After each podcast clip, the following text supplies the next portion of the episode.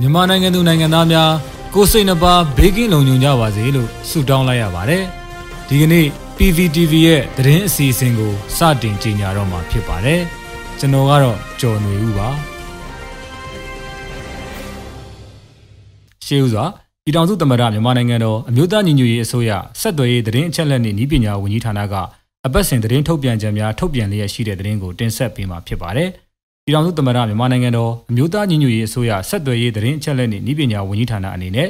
ပြည်သူလူထုထံသို့သတင်းအချက်အလက်အမှန်များစင်စက်မပြတ်ရောက်ရှိနေစေရေးအတွက်ဒီလန်ပေါင်းစုံဖြင့်လုတ်ကင်ဆောင်ရွက်လျက်ရှိရာအမျိုးသားညီညွတ်ရေးအစိုးရ၏ဆောင်ရွက်နေမှုများကိုပြည်သူလူထုနှင့်နိုင်ငံတကာကသိရှိနေစေရန်အတွက်သတင်းထုတ်ပြန်ချက်များကိုအပတ်စဉ်ထုတ်ပြန်ပေးလျက်ရှိကြောင်းသိရှိရပါတယ်။ဒီကနေ့2021ခုနှစ်ဇူလိုင်လ2ရက်နေ့မှာသတင်းထုတ်ပြန်ချက်အမှတ်6မြင်းဆောင်2021ကိုထုတ်ပြန်ခဲ့ပြီးအဆိုပါသတင်းထုတ်ပြန်ချက်တွင် အလုံသမားဝန်ကြီးဌာနကြေညာချက်အမှတ်2မြင်းဆောင်2021ကို2021ခုနှစ်ဇွန်လ26ရက်နေ့စွဲဖြင့်ထုတ်ပြန်ခြင်းမြို့သားညီညွတ်ရေးအစိုးရပညာရေးဝန်ကြီးဌာန၏အင်တာနက်စာမျက်နှာဖြစ်သည့် moe.nugmyanmar.org ကို2021ခုနှစ်ဇွန်လ28ရက်နေ့တွင် ထုတ်လွှင့်ခြင်းစစ်ပွဲနှင့်တိုက်ပွဲထိတွေ့မှုဆိုင်ရာစီမင်းစည်းကမ်းများ rule of engagement နှင့်လက်နက်ကင်ပဋိပက္ခဆိုင်ရာသို့မဟုတ်စစ်ဥပဒေများမြေအောက် UG ရဲဘော်စောင်းရန်ရှောင်းရန်ဂျန်ဒါနှင့်တိုင်းပြည်ကာကွယ်ရေး ပြည်သူ့ကာကွယ်ရေးတပ်မတော်၏စစ်ဖက်ဆိုင်ရာကျင့်ဝတ်များပြည်သူ့ကာကွယ်ရေးတပ်မတော်၏တစ္ဆာအဋိဌံ၄ချက်စသည့်အနေနဲ့ရရမှဒေသခံပြည်သူ့ကာကွယ်ရေးအဖွဲ့များတည်တင်တည်တိုက်သည်များပါဝင်သည့်ပြည်သူ့ကာကွယ်ရေးစာစဉ်အတွဲ1အမှတ်1ကိုအမျိုးသားညီညွတ်ရေးအစိုးရကာကွယ်ရေးဝန်ကြီးဌာနကထုတ်ဝေခဲ့ခြင်းလက်နက်ကိုင်ပဋိပက္ခအတွင်းကလေးသူငယ်များအရေးဆိုင်ရာကုလသမဂ္ဂလုံခြုံရေးကောင်စီအဆင့်မြင့်တကားဖွင့်အစည်းအဝေး UN Security Council High Level Open Debate on Children and Armed Conflict တို့ ဒုံကြုံရေးကောင်စီအဖွဲ့ဝင်မဟုတ်သောအခြားကုလသမဂ္ဂနိုင်ငံများနည်းတူကုလသမဂ္ဂဆိုင်ရာမြန်မာအမြဲတမ်းကိုယ်စားလှယ်တန်မကြီးဦးကျော်မိုးထွန်းကမြန်မာနိုင်ငံကိုစားပြုပေးပို့သောမိန့်ခွန်း written statement တရက်ကိုပေးပို့ခဲ့ခြင်းလူသားချင်းစာနာထောက်ထားရေးနှင့်ဘေးအန္တရာယ်ဆိုင်ရာစီမံခန့်ခွဲရေးဝန်ကြီးဌာနအနေဖြင့်ဇွန်လ6ရက်မှ28ရက်အတွင်းကရင်ပြည်နယ်ရှမ်းပြည်နယ်ကယားပြည်နယ်ချင်းပြည်နယ်နှင့်ပြည်တွင်းဒေသအသီးသီးရှိပြည်သူများသို့ကျပ်သိန်း1430ခန့်တန်ဖိုးရှိလူသားချင်းစာနာမှုအကူအညီများပေးအပ်ခဲ့ခြင်း 2021ခုနှစ်ဇွန်လ30ရက်နေ့တွင်ကျင်းပပြုလုပ်ခဲ့သောတတိယအကြိမ်ပြည်ထောင်စုလွှတ်တော်ဒုတိယပုံမှန်အစည်းအဝေးတွင်ပြည်ထောင်စုသမ္မတမြန်မာနိုင်ငံတော်အမျိုးသားညီညွတ်ရေးအစိုးရပြည်ထောင်စုဝန်ကြီးချုပ်ကအမျိုးသားညီညွတ်ရေးအစိုးရပြည်ထောင်စုဝန်ကြီးဌာနအသီးသီး၏နှစ်လတာလုပ်ငန်းဆောင်ရွက်နေမှုများကိုအစီရင်ခံစာတင်သွင်းခဲ့ခြင်းလူသားချင်းစာနာထောက်ထားရေးနှင့်ဘေးအန္တရာယ်ဆိုင်ရာစီမံခန့်ခွဲရေးဝန်ကြီးဌာန2021ခုနှစ်ဇူလိုင်လ1ရက်အမိန့်ကြော်ညာစာအမှတ်31မြင်းဆောင်2021ဖြင့်လူသားချင်းစာနာကူညီရေးနှင့်ဘေးအန္တရာယ်တုံ့ပြန်ရေးကော်မရှင် Commission for Humanitarian Assistance and Disaster Response ကိုဖွဲ့စည်းခဲ့ခြင်းစတဲ့သတင်းအချက်အလက်တွေပါဝင်တာကိုတွေ့ရပါတယ်။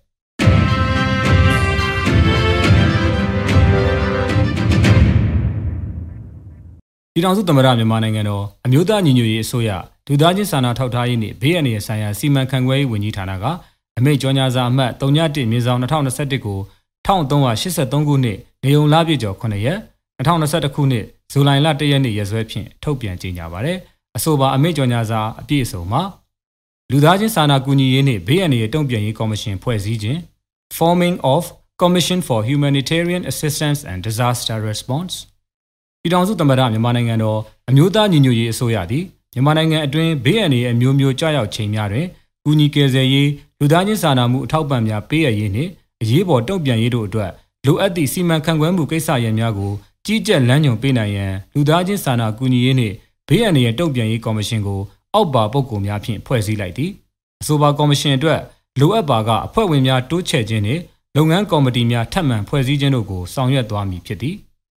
ကာကြီးဒူဝါလရှိလာယာယီသမရဥက္ကဋ္ဌခခွေမန်းဝင်းခိုင်တန်ပြည်ထောင်စုဝန်ကြီးချုပ်ဒုတိယဥက္ကဋ္ဌဂငယ်ဒေါ်စင်မအောင်ပြည်ထောင်စုဝန်ကြီးနိုင်ငံသားရေးဝန်ကြီးဌာနအဖွဲ့ဝင် ဂါကြီးဦးလွင်ကိုလက်ပြည်ထောင်စုဝန်ကြီးပြည်ထရေးနှင့်လူဝင်မှုကြီးကြပ်ရေးဝန်ကြီးဌာနအဖွဲ့ဝင်ငဦးဤမွန်ပြည်ထောင်စုဝန်ကြီးကာကွယ်ရေးဝန်ကြီးဌာနအဖွဲ့ဝင်စာလုံးဦးတင်ထွန်းနိုင်ပြည်ထောင်စုဝန်ကြီးစီမံကိန်းဗန္ဒာရေးနှင့်ရင်းနှီးမြှုပ်နှံမှုဝန်ကြီးဌာနအဖွဲ့ဝင်ဆလိန်ဒေါက်တာဆာဆာပြည်ထောင်စုဝန်ကြီးအပြည်ပြည်ဆိုင်ရာပူးပေါင်းဆောင်ရွက်ရေးဝန်ကြီးဌာနအဖွဲ့ဝင်ဇာခွဲဒေါက်တာဇော်ဝေဆိုပြည်ထောင်စုဝန်ကြီးကျန်းမာရေးဝန်ကြီးဌာန အဖွဲ့ဝင်ဇမြင့်စွဲဒေါက်တာတူးခေါင်ပြည်ထောင်စုဝန်ကြီးတယံဇာတာနှင့်တဘာဝပတ်ဝန်းကျင်ထိန်းသိမ်းရေးဝန်ကြီးဌာနအဖွဲ့ဝင်ညနော်ဆူဇန်နာလှလှဆိုပြည်ထောင်စုဝန်ကြီးအမျိုးသမီးလူငယ်နှင့်ကလေးသူငယ်ရေးရာဝန်ကြီးဌာနအဖွဲ့ဝင်တာတလင်းကျိတ်ဦးအောင်မျိုးမင်းပြည်ထောင်စုဝန်ကြီးလူအခွင့်ရေးဆိုင်ရာဝန်ကြီးဌာနအဖွဲ့ဝင်ထဝင်ပဲဦးထင်လင်းအောင်ပြည်ထောင်စုဝန်ကြီးဆက်သွယ်ရေးသတင်းအချက်အလက်နှင့်ဤပညာဝန်ကြီးဌာနအဖွဲ့ဝင်ဒိုင်ကောက်ဦးစိုးသူရထွန်း ပြည်ထောင်စုဝန်ကြီးလျှက်စစ်နှင့်စွမ်းအင်ဝန်ကြီးဌာနအဖွဲ့ဝင်ဒိုင်မှုဒေါက်တာဝင်းမြတ်အေပြည်ထောင်စုဝန်ကြီးလူသားချင်းစာနာထောက်ထားရေးနှင့်ဘေးအန္တရာယ်ဆိုင်ရာစီမံခန့်ခွဲရေးဝန်ကြီးဌာနအတွင်းရေးမှူးအမိန့်အရဒေါက်တာဝင်းမြတ်အေပြည်ထောင်စုဝန်ကြီးလူသားချင်းစာနာထောက်ထားရေးနှင့်ဘေးအန္တရာယ်ဆိုင်ရာစီမံခန့်ခွဲရေးဝန်ကြီးဌာနဟုဖော်ပြပါရှိပါတယ်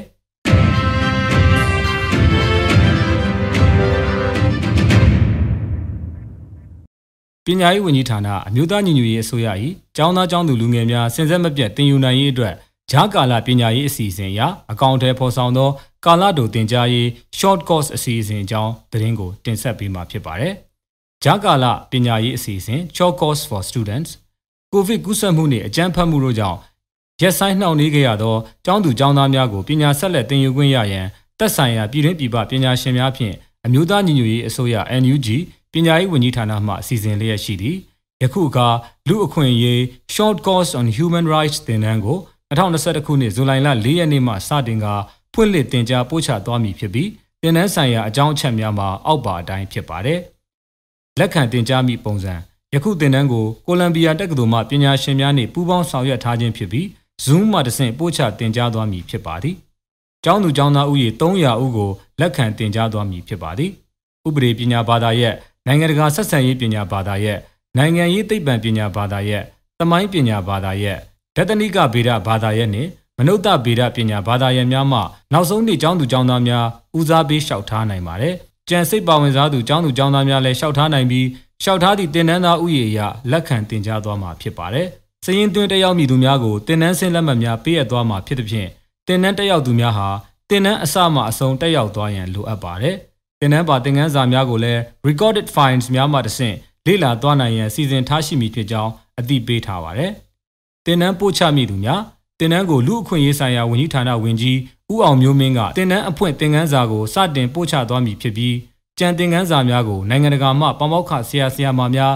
ပညာရှင်များကတင် जा ပို့ချသွားမှာဖြစ်ပါတယ်။တက်ရောက်ရမည်သူများစင်းပေးသွင်းနိုင်ရန် link နဲ့တင် जा မည်သူများ တင်နန်းအချိန်စရာများကိုလည်းအဆိုပါကြော်ညာချက်မှာဖော်ပြထားတာကိုတွေ့ရပါတယ်။ရေတော်ဘုံအောင်ရမည်ရေတော်ဘုံအောင်ရမည်